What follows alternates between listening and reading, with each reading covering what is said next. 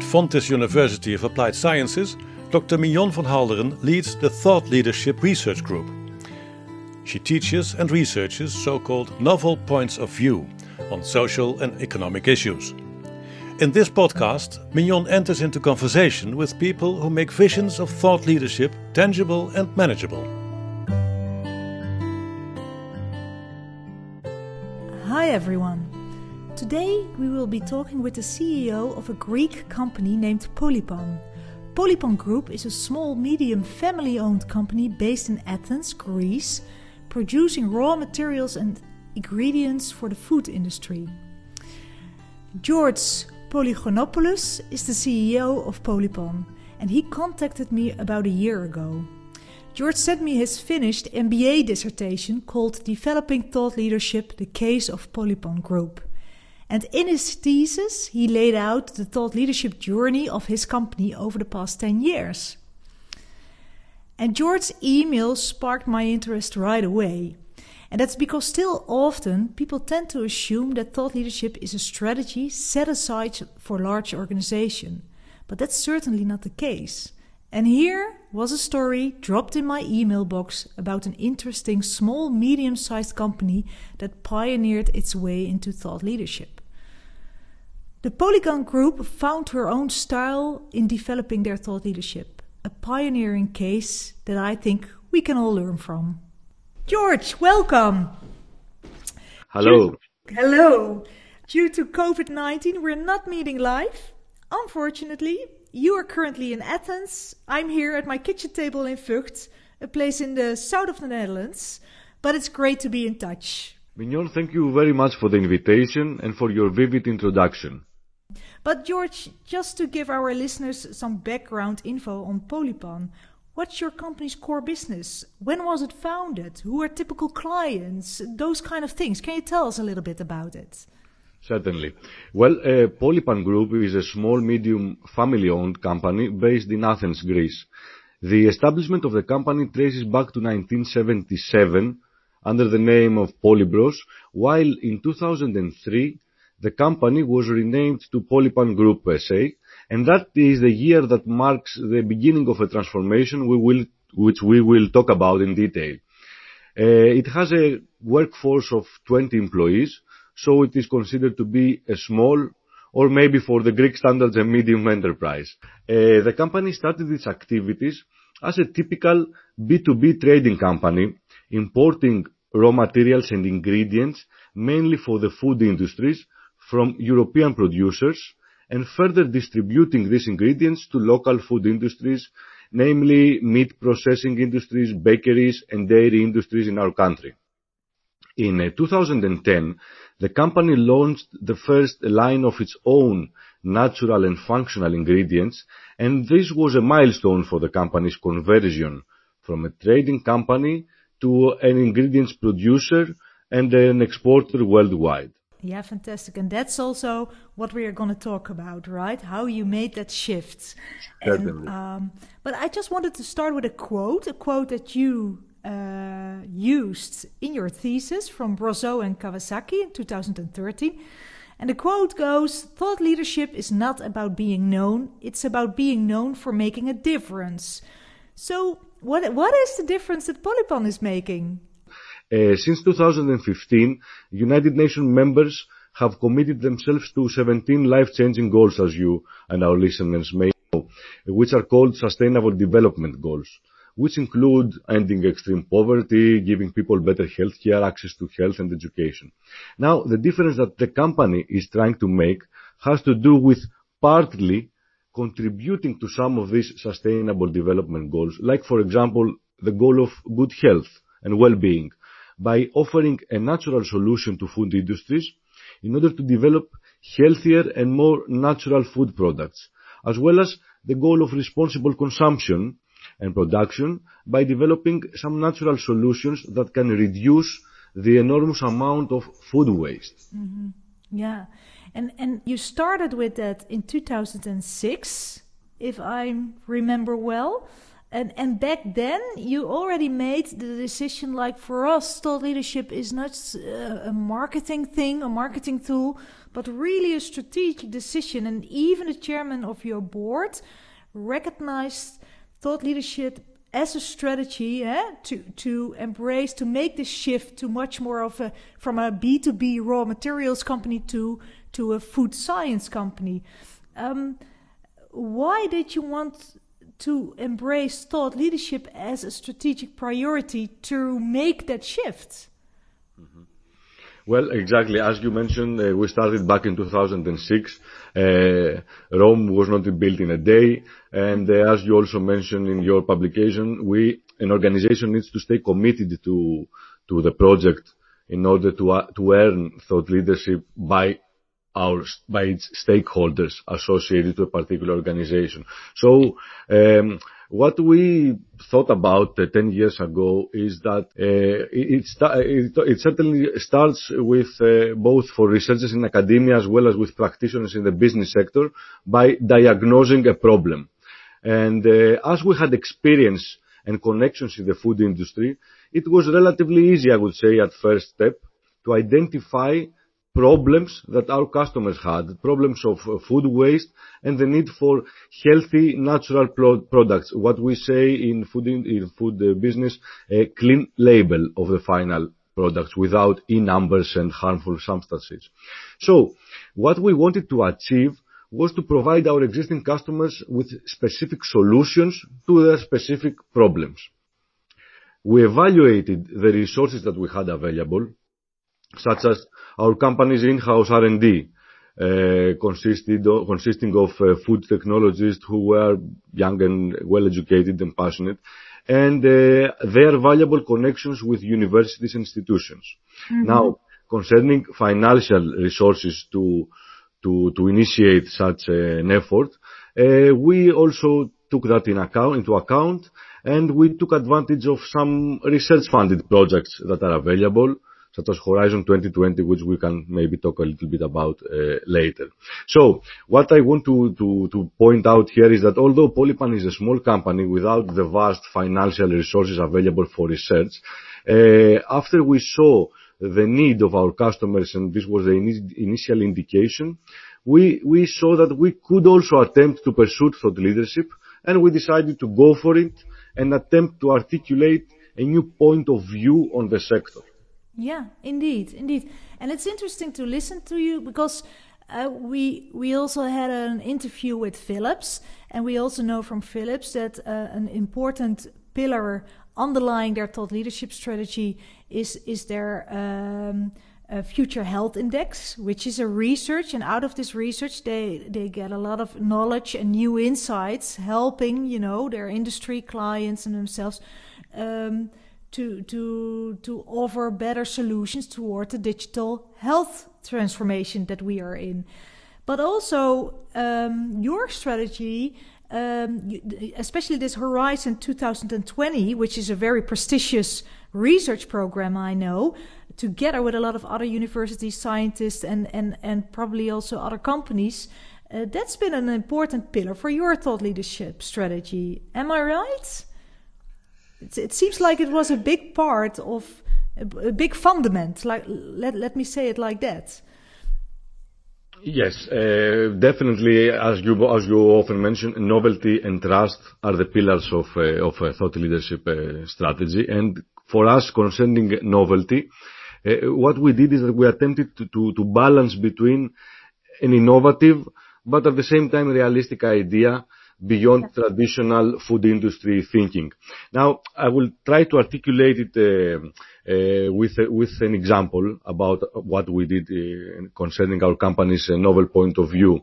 It started with identifying alarming findings, mentioning that more than 40% of fruits and vegetables do not end up on the consumer's plate, and they're wasted in long distribution paths after harvest. So There was an increasing demand for the development of a natural technology that could contribute to reducing food waste.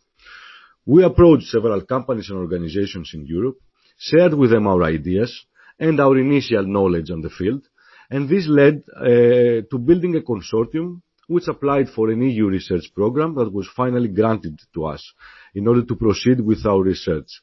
Just to give you an idea, participants in the consortium were Denmark's Technical University or the European Fresh Produce Association, as well as um, an innovative uh, technology pro provider from the Netherlands, from Eindhoven, Contronics, and a supermarket uh, from the Netherlands called Van Goorp, if I pronounce it correctly.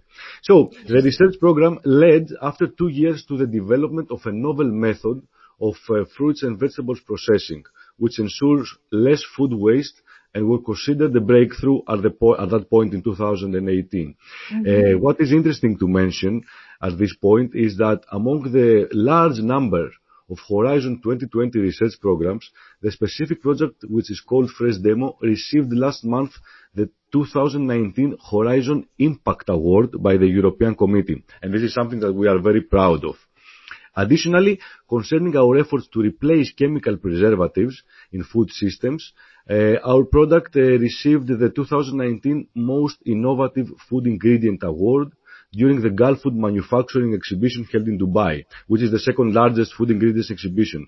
Why I'm mentioning these two awards? Because international acknowledgement by independent and well-esteemed organizations help to build trust among stakeholders, which mm-hmm. is the second but equally important pillar of thought leadership, standing side by side to novelty that we just uh, discussed.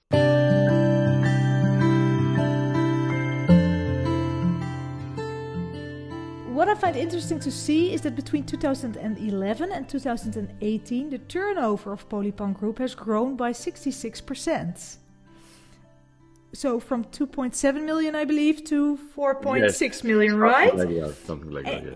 Yeah, and you mentioned that your thought leadership strategy has definitely been a positive driver in this.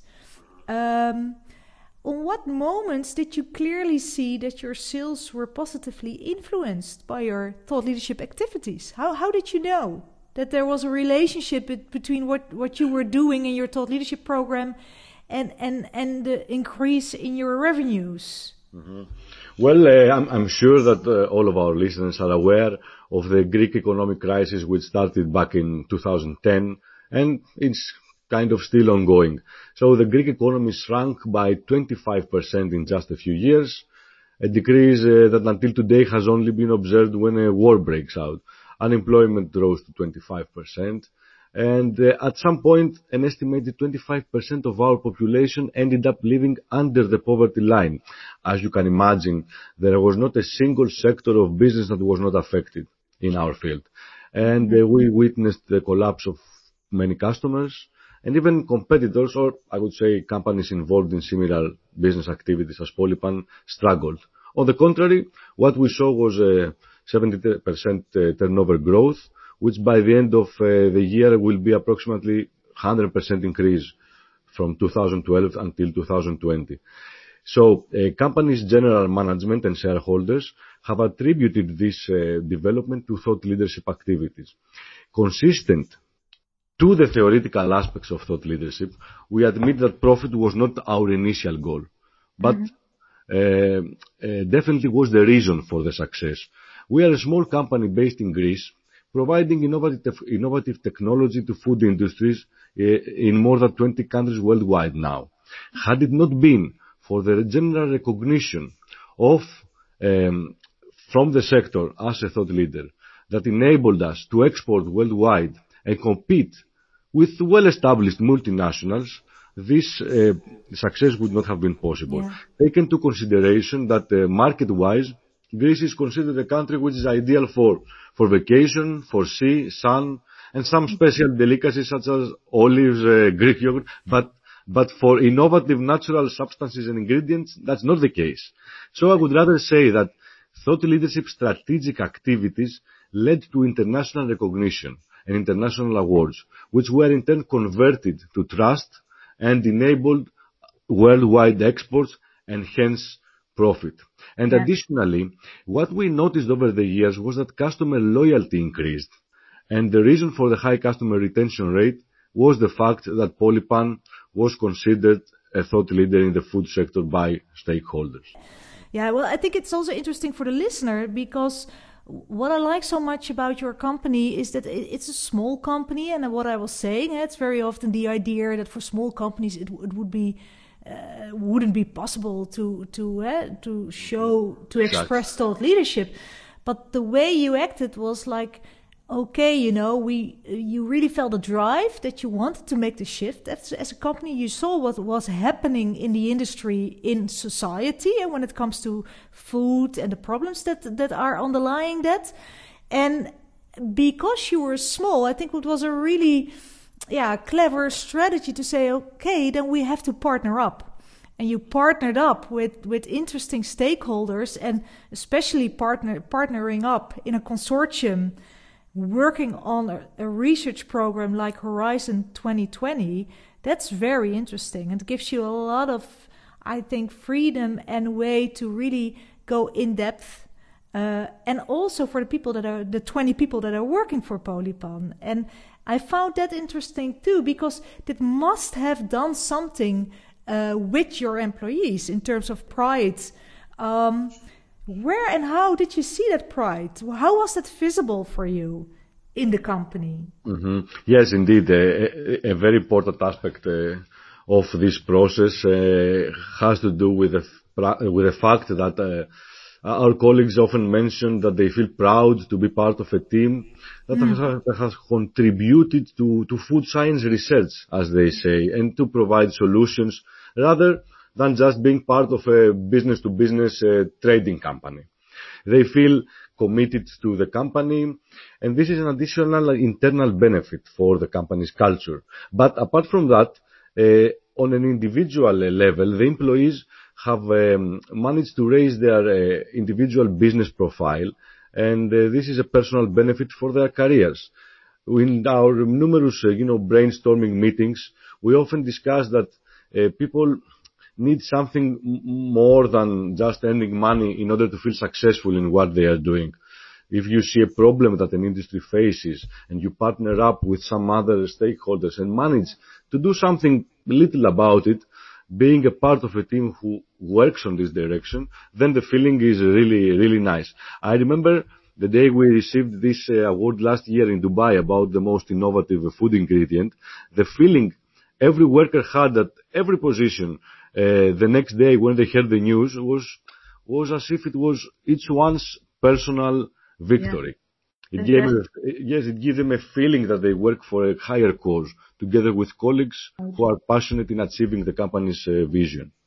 And now you're saying something. You're talking about higher cause, and you know that at our professorship we make a distinction between strategic thought leadership and transformational thought leadership and you know for the listeners said uh, strategic thought leadership um, these are organizations embracing thought leadership as a way for uh, to position themselves stronger in the market their goal is then to be seen as an inspirational trusted voice eh, offering thought-provoking viewpoints and insights to clients Organizations, on the other hand, that are called transformational thought leaders, have a strong transformative drive.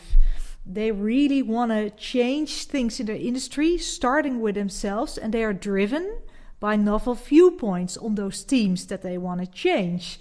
Um, and what I found so interesting in your story is that you're saying, like, yeah, when we started with thought leadership, we we we we were probably more we more had a strategic lens than a transformational lens, but while working on that, this this this evolved. Eh? This changed your view on thought leadership. Uh, can you tell the listeners listeners more about how that evolved and and and why? How come? Mm-hmm. Yes, interesting question. Thank you for this.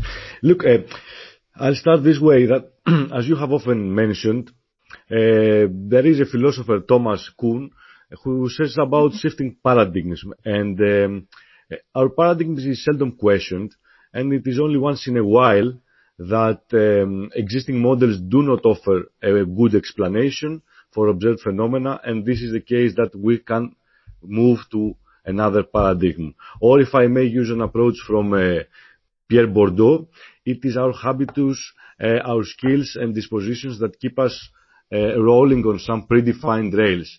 However, once in a while, these predefined social habits can change. And thought leadership can contribute to these changes.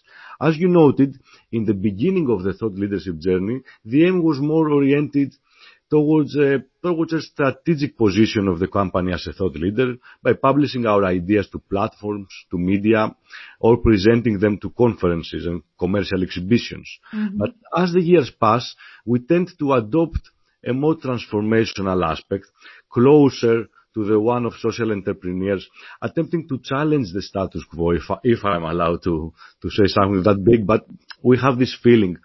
Uh, so what I could say is that in general we try to keep a blended approach, which might be closer to the transformational type of thought leadership, without, however, disregarding the importance of the strategic focus as well.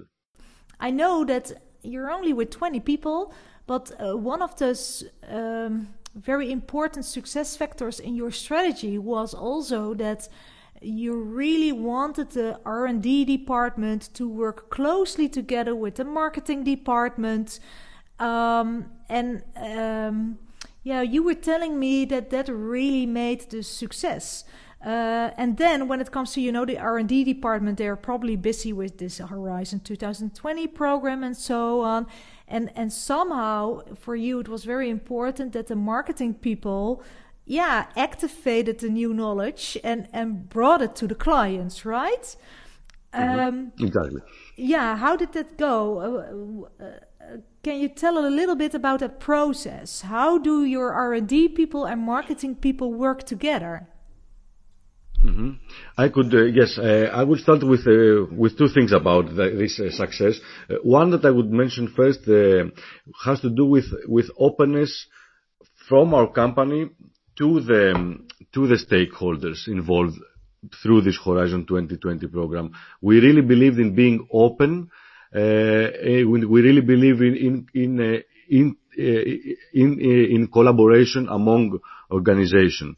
Uh, what drives our openness is our belief in a research-based approach to problem solving. What do researchers in your field, in academia, do in order to advance scientific knowledge? They are open, publish their findings, and then more scholars build further on the findings. So in our case, being open and sharing our findings with stakeholders was a key factor to turn our conceptual initial ideas to concrete solutions.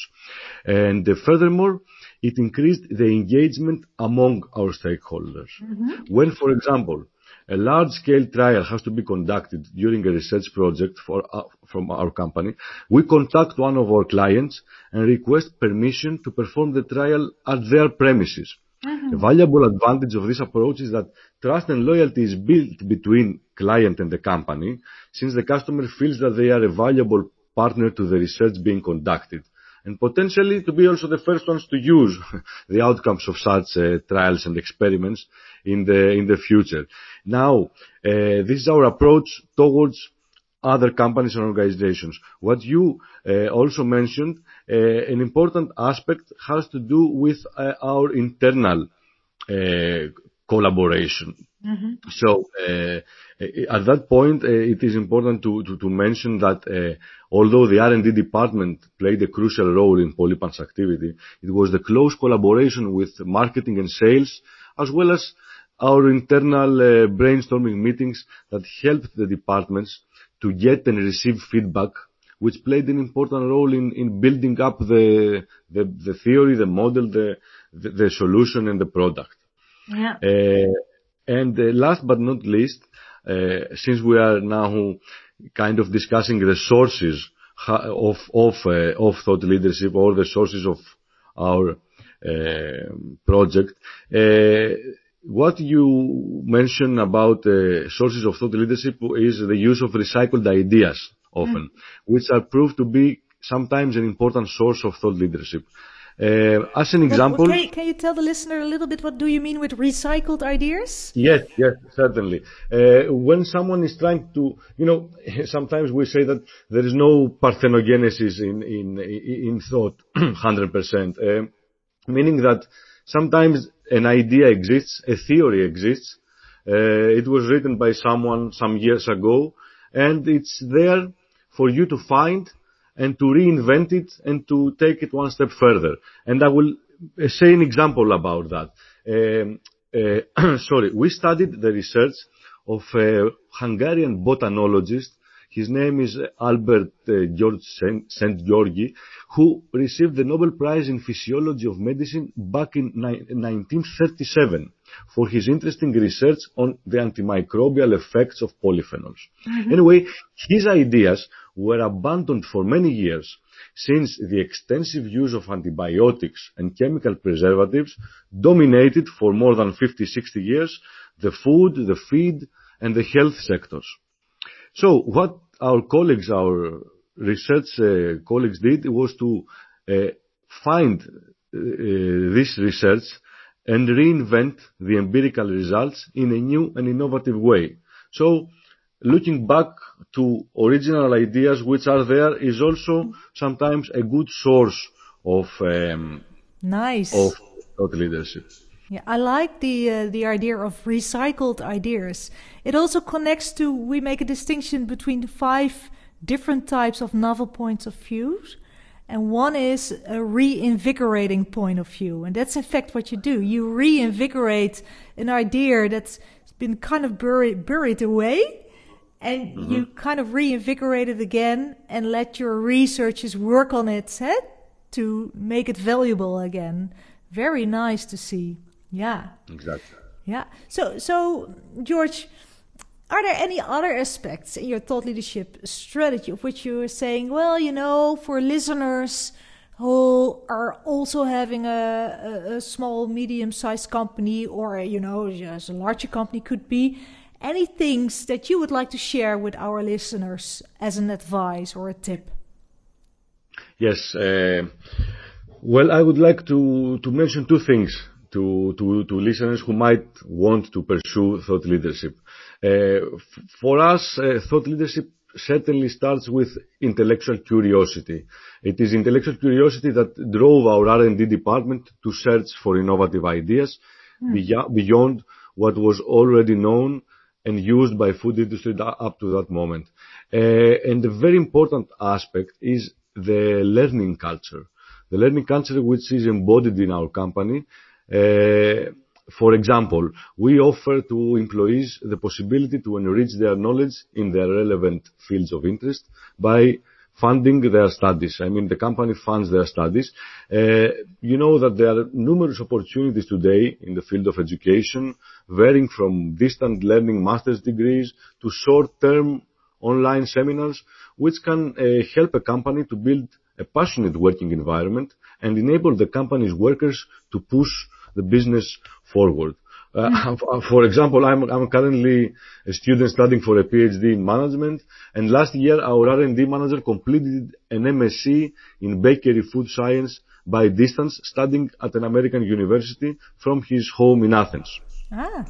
So uh, this learning culture, if it, if it is well embodied in a company, I'm sure will be uh, the, the driver for for thought leadership. That's fantastic to hear. Starting from intellectual curiosity, that's a very important pillar for you, and um, uh, translating that towards really a learning culture. What indeed what you're saying, I see it back in your organization. Uh, and it's probably also the reason why you did your MBA as the CEO of the company, yes, right? Exactly, exactly. That's how it started. nice.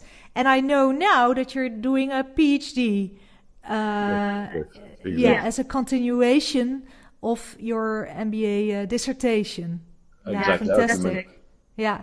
Yeah, it was lovely listening to you. Thank you so much for sharing Thank your you. experiences. May I conclude with with one small uh, sentence uh, for our listeners? Absolutely. Uh, to conclude uh, from our side again, uh, we are talking about thought leadership, which is characterized sometimes as hard to define, even harder to measure, but definitely it can contribute to societal changes by challenging the worldviews and uh, realizing new ones through provocative thoughts embodied in novel points of view. If our listeners think that thought leadership can only be achieved by large multinational organizations, I can guarantee to you that this is not the case. We are a small company from Greece, balancing between strategic driven and transformational thought leadership, or at least we love to think that we are.